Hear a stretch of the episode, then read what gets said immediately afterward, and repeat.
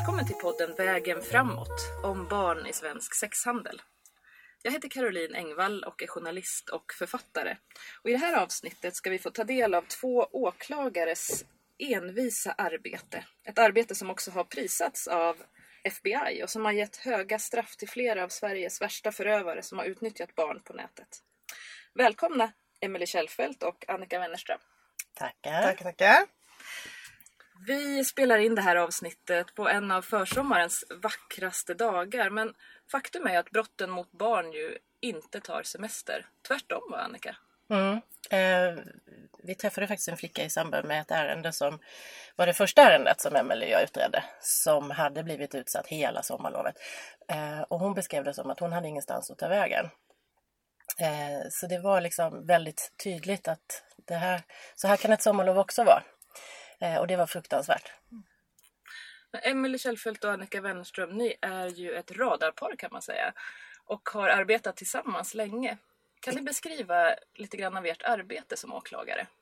Ja, vi kallas ju numera då för Emika. Nej. ja, men vi har jobbat tillsammans sedan 2013. Ja, det är snart fem år. Och eh, idag så är vi båda specialister på en enhet i Sverige som kallas för Riksenheten mot internationell och organiserad brottslighet, ett långt namn. Eh, där vi är specialiserade just på nätrelaterad brottslighet. Eh, och där håller vi på med olika typer av brottslighet, men gärna och egentligen helst då sexuella övergrepp mot barn. Varför har det blivit er hjärtefråga? Ja, det väl, kom väl sig egentligen av husbegärandet som var gigantiskt och eh, uppslukande och krävde väldigt mycket av oss. Och det funkade väldigt bra att jobba ihop eh, under det här, vad var det det höll på, två och ett halvt år från början till slut. Eh, så att när det var klart i hovrätten så kände man kanske usch nu, nu måste jag göra något annat ett tag. Men sen dröjde det inte länge innan man kände men vänta det här är ju faktiskt jättespännande. Det är spännande juridik, det är människor. Eh, så att, eh, att jämföra det här med, ett, med en ekonomisk utred, en, en utredning om ekonomisk brottslighet eller dataintrång eller så, det går liksom inte. Men det så kallade husbegärandet det briserade ju i medierna 2013 och eh, föregicks ju av väldigt intensivt arbete för er två. Kan inte ni berätta lite grann om det som egentligen blev ett av de största ärendena som gällde just nätrelaterade övergrepp mot barn? Mm. Alltså det började med att min chef kom in, min dåvarande chef och sa att Emelie kan du komma in på mitt rum och snacka lite med dig? Ja, och då så berättade hon att det var dåvarande Rikskrim, det som är Nova, som hade fått in ett case. Man misstänkte att det var en gärningsman och att det var flera utsatta barn. Och i dåläget tror jag att vi knappt, om det var åtta ärenden när vi räknade Mm. ihop det. Och det var egentligen i princip i den här vevan också juridiken, det började hända saker inom rättsväsendet. Alltså man började få in de här casen, man började fundera på alltså hur ska vi se på dem? Är det här liksom bara poseringsbrott eller liknande? Och sen så satte vi igång det här och det vart ett tillslag några veckor senare och, och då bara växte. Och det som var specifikt med Husbymålet tycker jag att det var så fruktansvärt grova övergrepp. Så att det var omskakande, alltså man drogs in i en värld, liksom att det öppnade verkligen. Och då hade jag ändå hållit på med barnövergrepp tidigare under ett par år. Men man, liksom, man förstod att det här är någonting och vi måste börja ta i. Kan ni berätta lite grann om vad det var ni mötte där? Barnen eller vad tänker du? Eller? Ja, både hur förövaren gick tillväga och era känslor kring det. Jag vet bara, när jag, för det var, innan, det var ju bara första veckan när jag var polisen och drog det och presenterade lite vad det var för typ av övergrepp. Jag vet bara spontana maklar, men det här är naturligtvis våldtäkt. Alltså, det var så självklart, alltså även för mig som jurist, liksom, att ja, men vad är problemet? Och sen så när man började det är ju inte, var ju inte alls frågan om vid den tidpunkten utan det var snack om vad det här poseringsbrott eh, det var frågan om. Eh, och, och gärningsmannen han var ju både liksom eh, en intelligent person med förmåga att manipulera och sen så var han sexualsadist. Så att det, det var ju väldigt ja, men grova övergrepp alltså som skadade barnen fysiskt ofta. Eh, och när man började ganska snabbt inse vad det var för typ av rubricering som vi, som vi kall, alltså som jurister kallade för det här så, så ja, man blir ju engagerad och upprörd. Ska det verkligen vara så här? Och vad var det för rubriceringar då som kom i fråga? Ja, vi tänkte ju att det, måste ju, det här måste ju rubriceras som någonting annat än posering. Det här, vi, vi har lämnat det. Det är inte posering. Det kanske är posering och något annat. Men... För barnen tvingades ju penetrera sig själva med olika föremål. Ja, och som Emelie sa, vi, vi, vi hade ju läkarintyg i det här målet och det har man sällan i sexualmål. Um, så att vi, vi fick ju överväga vad kan det annars vara då? Nej, men våldtäkt går inte. Det har andra åklagare prövat innan och, och det går inte. Uh, nej, men var hamnar vi då?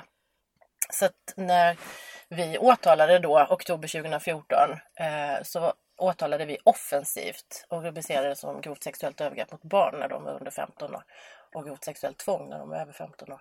Och det gick inte hem.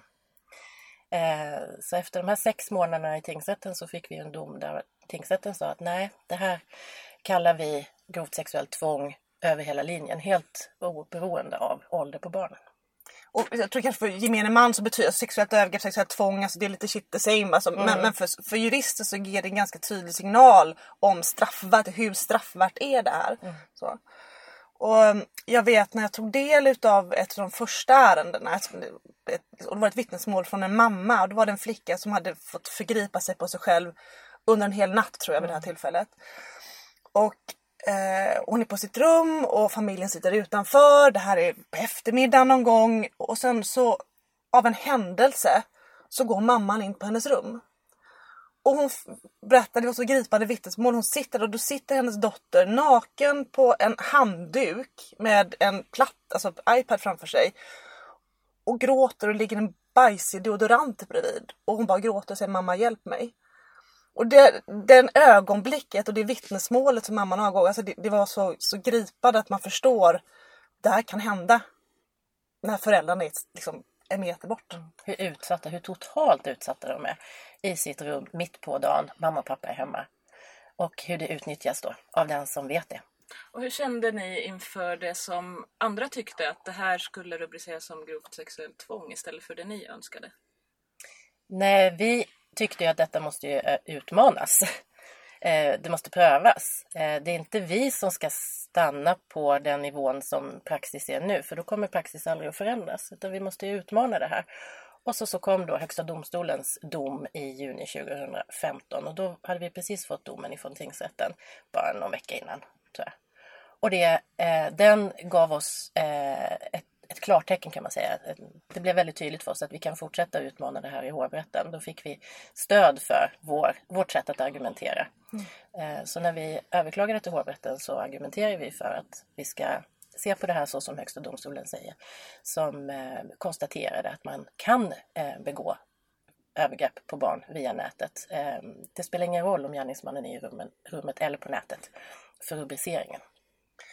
För det hade ju bubblat lite innan. Det var något år innan hade det varit det här Kumla-målet med Linn som tog livet av sig. Så det, det hade bubblat ganska mycket i media och i samhället. Eh, men det var fortfarande väldigt osäkert. Så Högsta domstolens dom som Annika som vi kallar för kusinmålet. Det var liksom det juridiska startskottet för att vi måste börja ändra hur vi ser på det juridiskt. Vad mötte ni för reaktioner både från allmänhet men också från kollegor?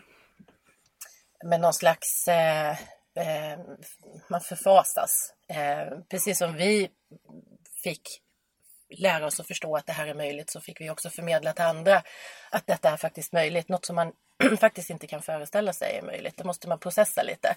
Så eh, vi började ju redan då, när vi väl hade förstått det, att på något sätt kommunicera det utåt att det här måste alla veta.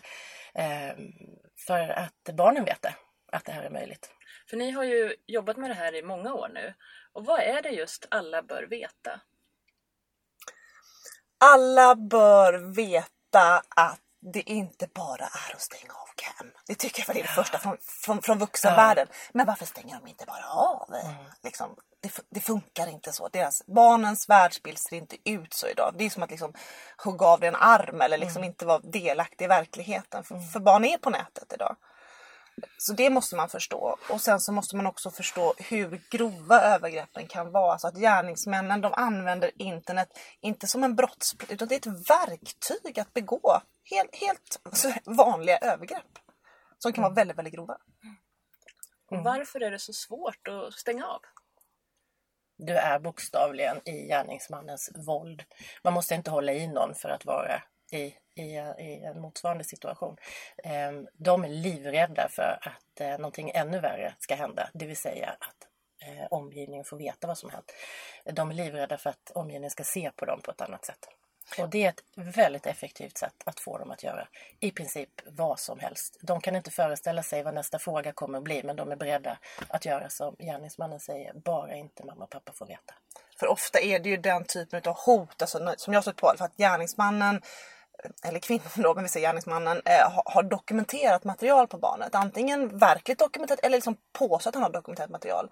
Och hotar då att sprida det. Det är nästan alltid så det går till. Och det är barnets eller ungdomens, alltså det, det är det värsta som kan ske. Så då är barnet eller ungdomen beredd att gå väldigt långt för. Mm. Och även när det inte finns material så blir de eh, lurade till att tro.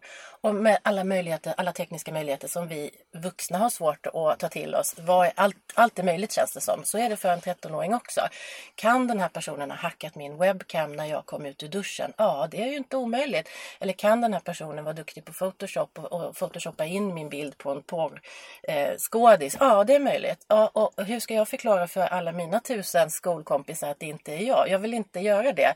Därför gör jag som jag blir tillsagd och så försvinner det. Har ni under era år sett någon trend eller tendens i hur förövarna går tillväga? De lär ju sig hela tiden känns ja. det som. Alltså de, eh, för det här för många är ju Alltså i alla fall de är, så, det är som en livsstil, alltså mm. det är kanske en drift eller liksom en begär som är väldigt starkt. Så de förfinar sig ju hela tiden och de lär sig av varandra mm. eh, mycket.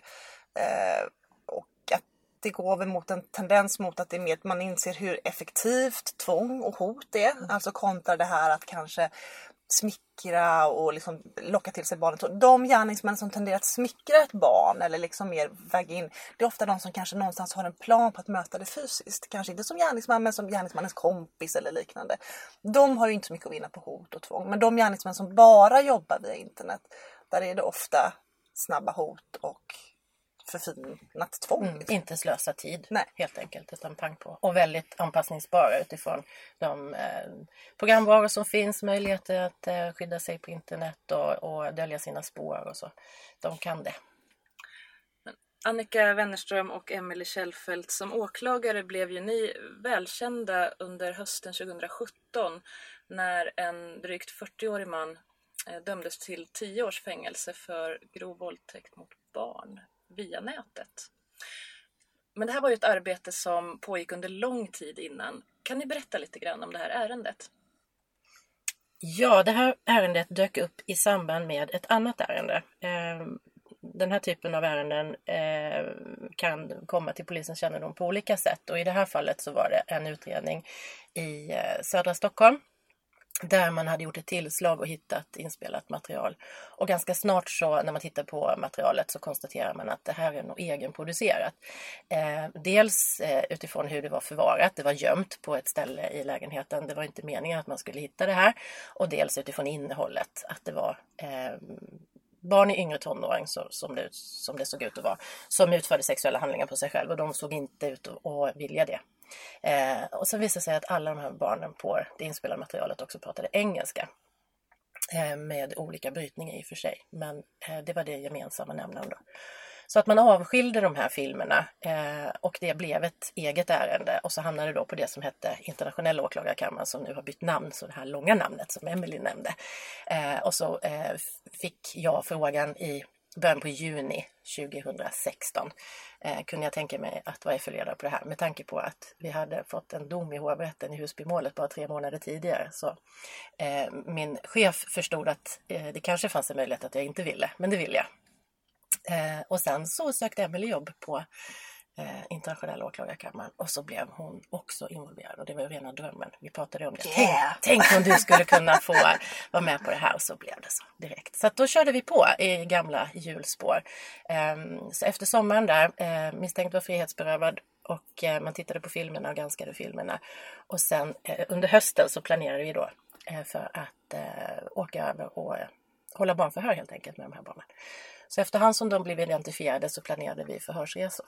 Och hur identifierar man barnen? Precis på samma sätt som man identifierar förövare. I USA, där många av de här barnen bodde, så har man sparat IP-adresser helt enkelt. eh, som eh, då visar var abonnenten till eh, ja, man går från kontot på sociala medier till operatören. Operatören eh, och IP-adressen avslöjar då eh, information som leder till barnets hem eller den bostad där barnet var när de eh, registrerade sig på sociala medier. Så att IP-adresser hade då sparats i uppemot ett år i USA. Utan dem eh, hade det varit svårt. Några målsägare identifierades med fötterna då tittade man på information från filmen, hur barnet såg ut. Eh, kanske det fanns någon information på någon t-shirt eller bakgrunden som gjorde att man kunde härleda dem till en viss plats. Och sen så jobbade man med skolkatalogen och gick och, och helt enkelt tog kontakt med, med lärare. För att sen i sista hand då, det gjorde man med alla barnen, eh, fråga vårdnadshavare, är det här ditt barn? Inte någon sexuell bild då naturligtvis, utan en neutral bild. Och fick bekräftat att ja, det här är vårt barn. Och sen i, ytterligare för att försäkra sig att det är rätt person så frågar man ju barnet, är det här du? Och hur reagerar barnen när ni tar kontakt? Vi fick, ja, förlåt, vi fick ju inte vara med vid den här första kontakten så vi har ju bara det på, i små anteckningar. Nej, precis, nej men mm. precis, vi är ju inte med eh, när polisen kontaktar eh, i, i det första steget utan vi träffar dem ju, eller vi ser dem första gången vid förhörstillfället. Och eh, i de bästa världar så ska de för inte veta så mycket vid förhörstillfället för att det blir det bästa bevisvärdet som man säger. Mm. Eh, så det är då, och då träffar vi de sällan personer helt då tittar vi på ett annat rum, angränsande rum eh, vid en kamera. Eh, på förhöret helt enkelt. Det är inte viktigt att vi träffar barnen. Det blir en vuxen till som de... Det blir inte den bästa förhörssituationen om det är många vuxna som förvirrar barnen utan det ska vara, hållas ner till ett minimum. Och hur mådde de vid det här tillfället? När förhöret sen ägde rum så hade det kanske gått en vecka, tio dagar sedan familjen fick veta att det skulle ske ett förhör. Man, man planerade det så att man tog kontakt med familjen, sa att eh, det pågår en polisutredning, vi tror att eh, ert barn har blivit utsatt för, för brott via internet. Jag tror man höll det så generellt. Eh, och sen en vecka, tio dagar senare så har man ett förhör och då får de frågan, de är ju ganska stora, de kan vara 14, 15, 16 år vid förhörstillfället, att har du själv någon aning om varför du är här? Och vissa vet ju direkt och andra vill inte prata. Så det är väldigt olika, man vet aldrig um, hur det ska gå. Nej, och då kan vi till, tillägga att ofta har det gått ungefär ett år ifrån brottstillfället. Ja, Give and take några månader mm. hit eller dit. Mm. Den här drygt 40-åriga mannen från norra Uppland hade ju tvingat de här barnen i USA, i Kanada och i Skottland att förgripa sig på sig själva. Hur hade han gått tillväga? Han eh, jobbade bara med hot eh, och han jobbade med samma hot eh, konsekvent över hela linjen. Han trålade på sociala medier och eh, hade hittat ett sätt som funkade, det vill säga eh, skrämma dem ordentligt från början så att de skrämma dem till att, ta, eh, att svara på hans utskick helt enkelt. Och det är också en strategi har vi förstått att får man barnet att vara aktivt så får man barnet att vara delaktig i övergreppet direkt. Och ett barn som svarar på ett massutskick vet inte att det är ett massutskick då, men kan känna sig så dum och lurad efteråt att de tar ansvar för att ja, men det var jag som skrev till honom. Så att eh, det här inledande hotet handlade då om, om eh, eh, att de skulle hängas ut på nätet eller att deras familj skulle skadas, till och med dödas. Eh, och vissa barn tar sådana hot på allvar och svarar då och så etablerar man en kontakt. Vad var det som gjorde att ni ville få honom fälld för just grov våldtäkt mot barn? Ja men det var ju själva övergreppen i sig. Alltså hade det här varit övergrepp, precis samma övergrepp fast att gärningsmannen hade befunnit sig fysiskt i rummet. Alltså du vet någon meter ifrån men fysiskt i rummet så hade det inte varit något snack. Att det här hade varit frågan om en våldtäkt. Och då ställde vi, lyfte vi frågan, vad är det som gör att övergreppet blir så mycket lindrigare så att säga i juristers ögon bara för att gärningsmannen är närvarande i rummet fast via en skärm. Så det var väl egentligen det som hela, alltså det var ju liksom pudelns kärna under hela processen. Att vi ville verkligen fråga Sveriges domstolar, ni måste svara för vi förstår inte. Var, var ska, varför har avståndet överhuvudtaget betydelse?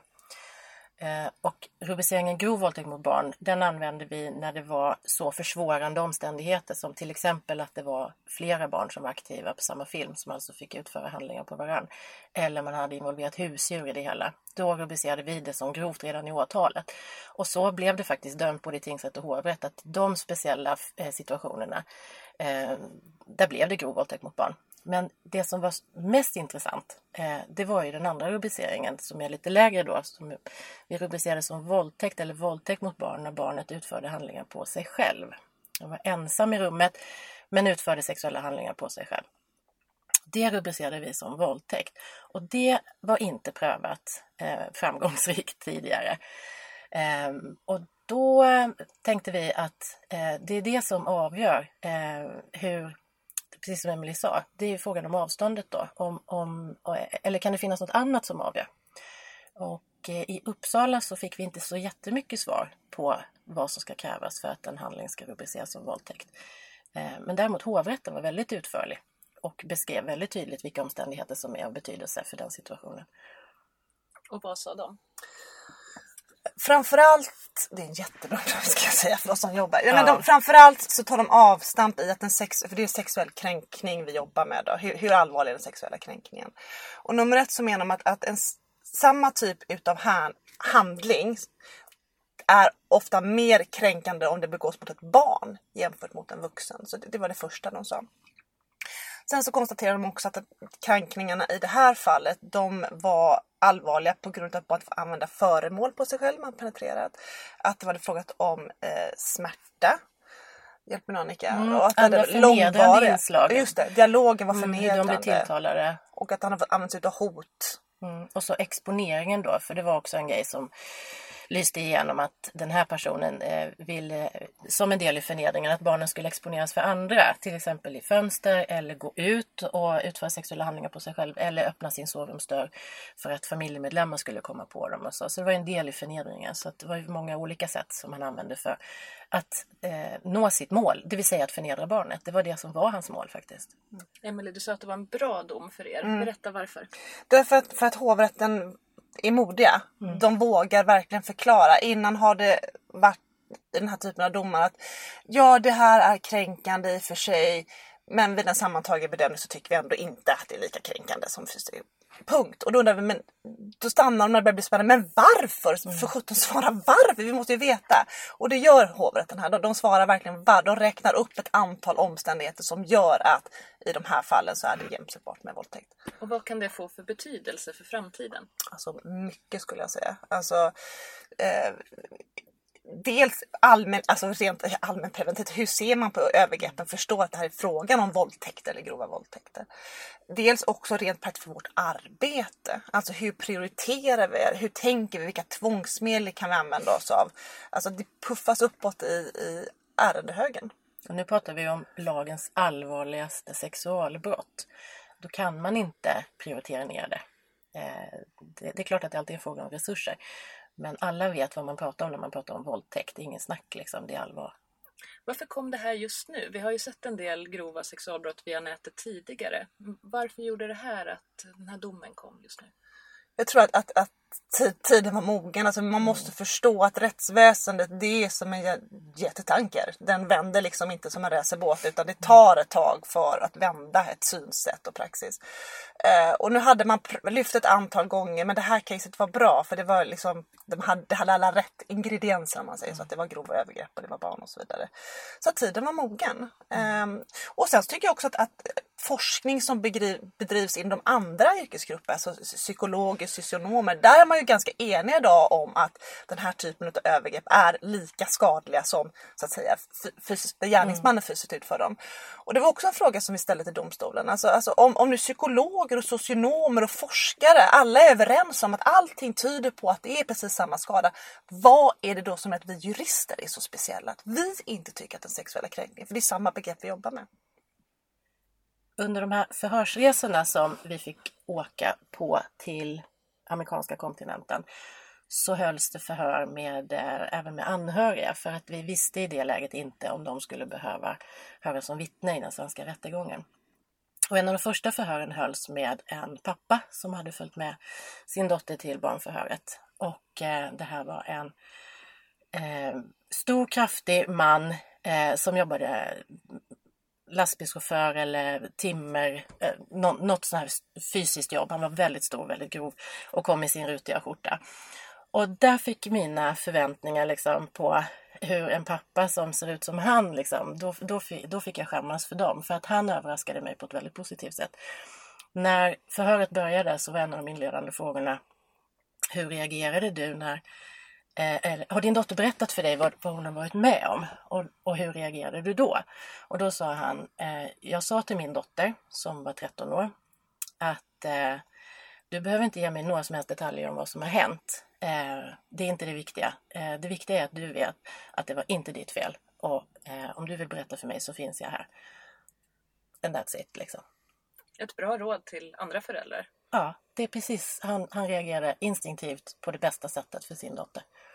By the book som man säger. By the book. Den här gärningsmannen, han sa ju att på nätet är det lättare att överskrida gränser. Mm.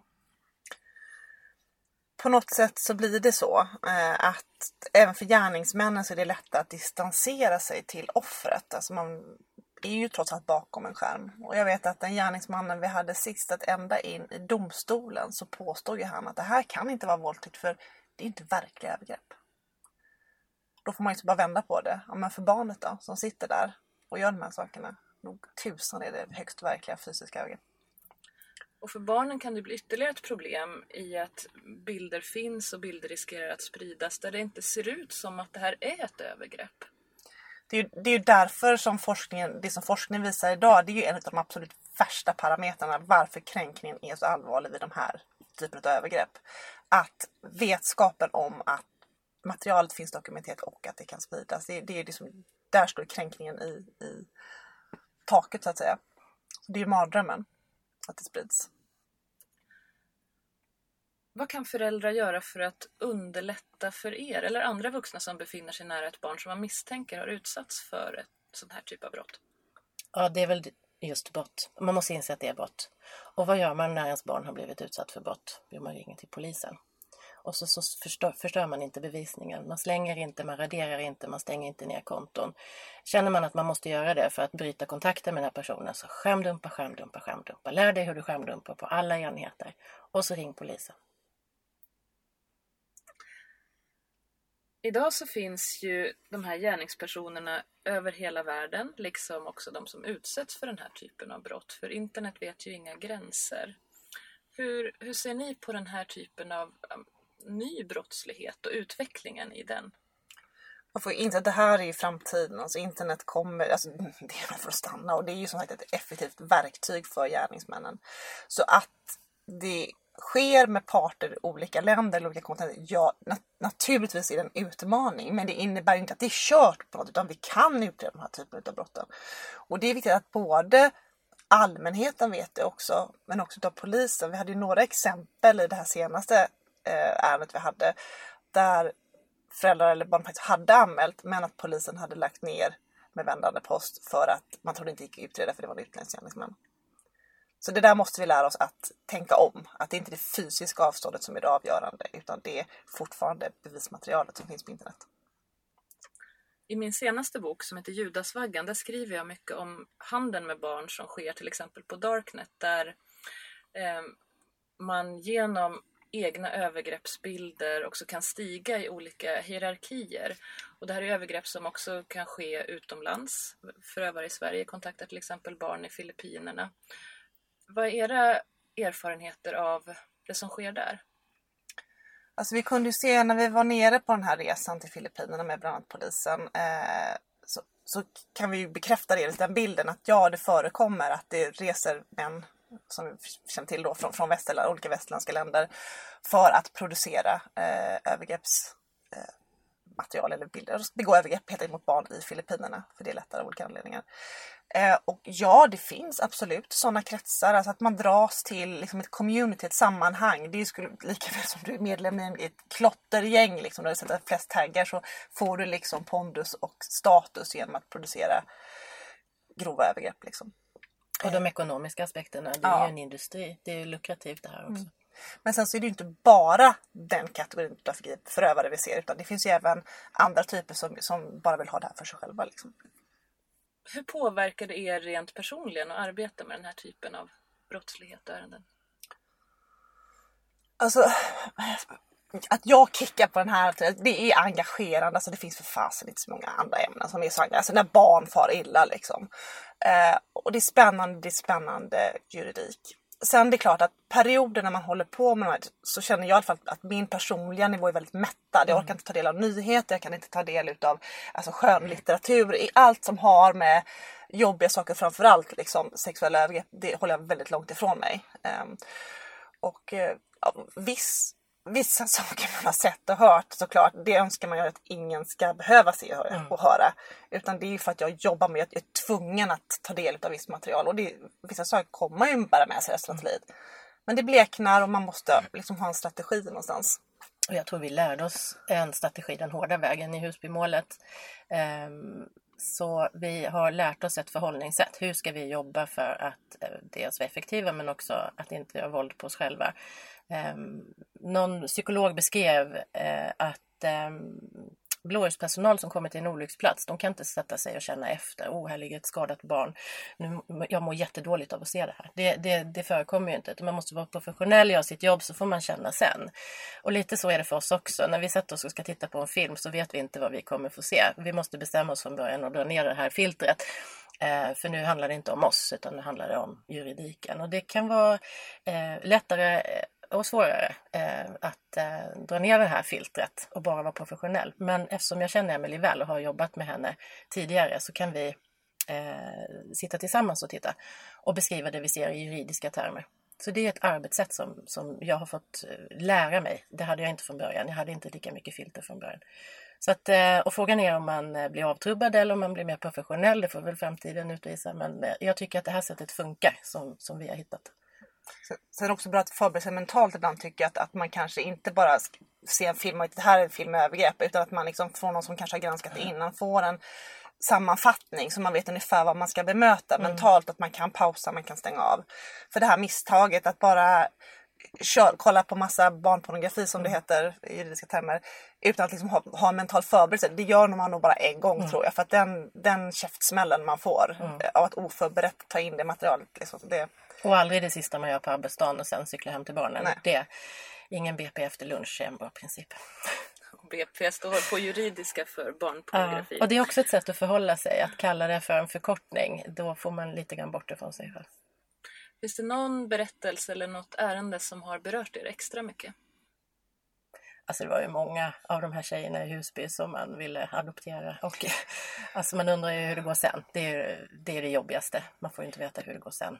Det värsta med Husby tror jag det var att det var en gärningsman som inte släppte sina förövare. Alltså i, i um, relapse som vi kallar det amerikanska ärendet. Där var det med att gärningsmannen det var väl några han återkom till men det var under ett par dagars period. Sen så släppte han dem så att, och det kan vi till nästa barn. Huspedofilen jobbar på ett annat sätt och han kunde ju hålla på med vissa barn under flera år.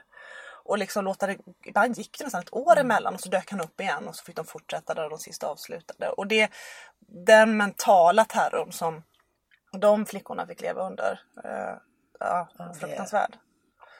Och det jag tror att det som har berört mig mest personligen det är de barn som när det väl uppdagas där man märker att alltså vuxenvärlden sviker. Mm. Alltså, åh fy fan om man får säga så. Nej, men alltså att, där det är kanske föräldrar som av en eller annan anledning inte har förmåga eller kapacitet att finnas där för barnet. Som skuldbelägger, man vill inte ta del av det och barnen som säger uttryckligen nej men, jag, har, men har du berättat för mamma eller pappa att, att, att, nej för att de klarar inte av det, mamma mår så dåligt. Föräldrar som fick sjukskriva sig själva för det var så jävla synd om dem. Eh, barn som där man inte heller förstod, skuffades runt tycker jag liksom mm. mellan olika liksom, vårdpersonal och skolan och det var liksom ingen som förstod, eller liksom, det bollas runt.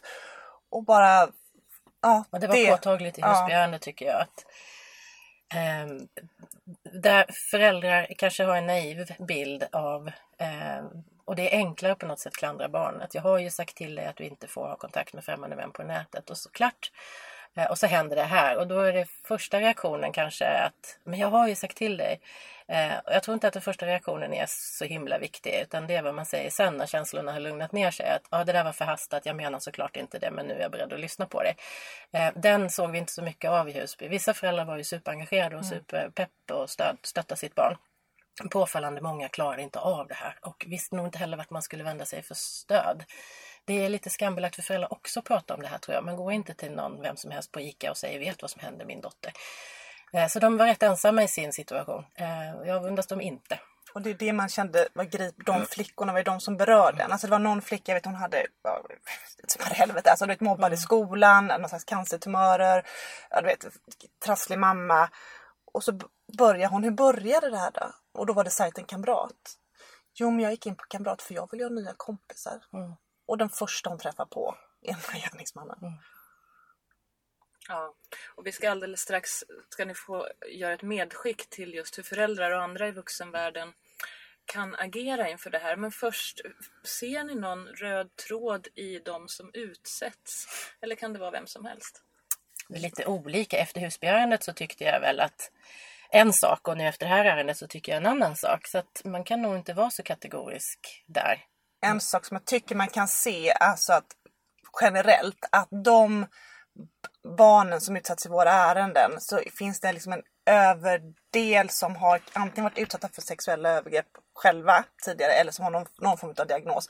Den procenten är ju faktiskt högre Mm. bland de flickorna vi träffar på, eller pojkarna, jämfört med vad de borde vara i samhället. Mm. Men också att på ytan, för det är kanske inte är någonting du pratar om sexuella övergrepp till exempel, eh, så, så skulle det kunna vara vem, vem tusan som helst. Mm. Det handlar om någon slags en, en dålig självkänsla, en eh, vana att göra som man blir tillsagd. Eh, vissa barn är lättare att skrämma än andra. Vissa barn eh, är, är mer, behöver bekräftelse mer än andra. Så, men det, det vi kunde se i Relapse just med den här strategin med, med att den första eh, kommunikationen går ut på hot. De allra flesta svarade ju inte. Men de som svarade, där kunde vi se att de hade ganska mycket gemensamt. För ni har, vi har pratat ganska mycket om flickor nu, men pojkar kan också utsättas. Ser ni pojkar i era ärenden? Inte så mycket. Alltså de ärenden jag har haft, det är klart att de förekommer. Jag tänker på ett stort ärende nu som, ett, som internationellt ärende som är jättestort och där är det bara pojkar som är den gärningsmannens preferens. Eh, och det man märker också att det är att skammen minskar ju inte direkt bland pojkarna. Alltså, utan det är om möjligtvis ett ännu större kliv. Vi var också i Filippinerna jag och Annika på en, på en resa med polisen. Där det mycket, handlar mycket om kamövergrepp och eh, där visade undersökningar helt färska till allas stora förvåning att pojkarna var överrepresenterade och att övergrepp mot pojkarna ofta var grövre. Hur bär man sig åt som ni som ser livets svartaste sidor att inte tappa hoppet om mänskligheten? Ja. Nej men det finns ju så, eh, alltså bara de här barnen, de är ju sådana fantastiska individer. Och deras resa till att må bättre, den får man ju följa lite grann också. Från den övergreppsfilmen till förhöret och sen så får man ju veta lite grann från målsägandebiträdet att eh, nu har de börjat i terapi eller nu har ja, de fått hjälp på något sätt. Det, då har det ju vänt, då har det ju blivit skillnad. Så att det, det slutar ju alltid lite mer positivt än det började. Så det får man ta med sig. Och sen är det ju så otroligt många engagerade vuxna inom det här området också. Man måste ta tag i för alltså, det vi ser, alltså, de människor man undrar, man undrar, även en gärningsman. Jag kan tänka ibland att även här, någon gång har han varit barn. Liksom så. Vad tusan var det som gick fel? Alltså vad, vad är det som är fel med människans själ? För att Ja. vissa är så skadade så. Eh, men samtidigt, man måste ju även, man kan inte bara, bara för att de är så skadade, man kan inte man måste ju bara jobba med det liksom. Och stoppa dem. Och det, det går, det är jag övertygad om. Eh, men vi har bara precis börjat nosa på den delen. Så hur kan vi alla inom vuxenvärlden hjälpas åt för att förebygga att det här ens händer? Ja, börja i ditt när, i din när, närkosmos eller liksom närområde skulle jag säga. Alltså det som vi märker återigen att de barn där det kan gå riktigt, alltså där det blir riktigt, riktigt illa tokigt. Det är de som inte har en ventil till vuxenvärlden. Som inte har någon de känner förtroende för som de kan prata om med. Eh, Så det skulle jag säga först att, att har du barn och ungdomar, alltså prata om det och var noga med att säga att du kommer aldrig bli arg och att de alltid får prata med dig. Det tror jag är det viktigaste. Och det handlar inte bara om e- ens egna Nej, barn utan precis. även liksom barns kompisar eller om man träffar på, jag vet inte, inom idrott eller vad som helst. Att man, att man själv är en sådan utväg som barnen behöver. Man kan kanske på något sätt presentera sig själv som en sån person och så se vad som händer. Ehm, för det behöver inte vara så himla dramatiskt. Man kan avdramatisera det här tror jag. Man kan säga man kan prata mer om det, att sånt här händer. Eh, och det, det kanske har hänt någon i eh, mina barns klass, det vet inte jag. Eh, man kan prata med lärare. Det är inte alltid att lärare har, har liksom följt media på det sättet som, som vi gör. Eh, jag tror att man ska ta alla chanser att prata om det. Och man blir en riktig partypooper. Men eh, folk måste få veta att det händer. Och särskilt barn måste få veta att det händer. Att det, om det skulle hända dem så är de inte ensamma. Och det är inget fel på dem. Har ni några specialtricks på hur man kan på ett enkelt sätt starta det här samtalet? Man behöver inte göra det så personligt tänker jag. Man kan prata om det som någonting som händer i samhället. Det behöver inte bli så känsligt. Och visa att man förstår Mm. att, att eh, det inte är barnens fel. Mm. Att det finns människor som, som kan vara väldigt dumma mot barn och Mm. ungdomar liksom, och som kan utnyttja det. Och då, att det inte är barnens fel att Mm. man hamnar i en sån situation. Det var en, eh, en eh, polis som gjorde jämförelsen med trafiken. Att, eh, om ett barn blir påkört av en bil, vems fel är det? Och det kan varje barn förstå. Att det är såklart den som kör bilen som ansvarar för det här. Och det kan också vuxna förstå. Att det är den som kör bilen som ansvarar för det. Man skulle aldrig säga till en sjuåring att du får inte vara i trafiken för att eh, det kan komma bilar. Eh, det är ju bilförarna som måste anpassa sig. Och så är det på internet också. Barn måste få vara på internet och ha sociala medier. Det är inte barnens ansvar att det inte sker brott. Och ett annat tips kan ju vara att man har lyssnat på det här poddavsnittet och kan kanske lyssna tillsammans med sina äldre barn och man kan prata om att man har lyssnat och fråga om det här har hänt någon kompis till en. Och eh, jag vill verkligen tacka er Annika Wennerström och Emelie Kjellfeldt både för ert engagemang i den här frågan och för att ni ville komma hit och vara gäster i det här poddavsnittet idag. Tack för att vi fick komma. Ni har lyssnat på Vägen framåt, ett poddavsnitt om barn i svensk sexhandel. Jag heter Caroline Engvall.